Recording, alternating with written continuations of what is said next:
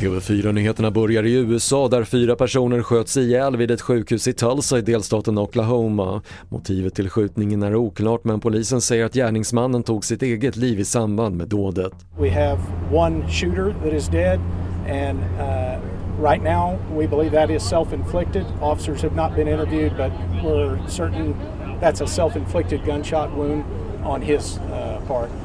En kraftig brand bröt ut i en industribyggnad i Växjö under natten och släckningsarbetet pågår för fullt. Det brinner bland annat i byggnadens tak och branden var vid femtiden inte under kontroll men det finns inga uppgifter om skadade personer.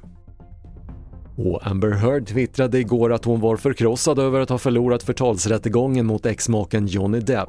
Efter den sex veckor långa rättegången döms Heard att betala 10 miljoner dollar i skadestånd men även Depp döms för att ha förtalat exhustrun och ska betala 2 miljoner dollar.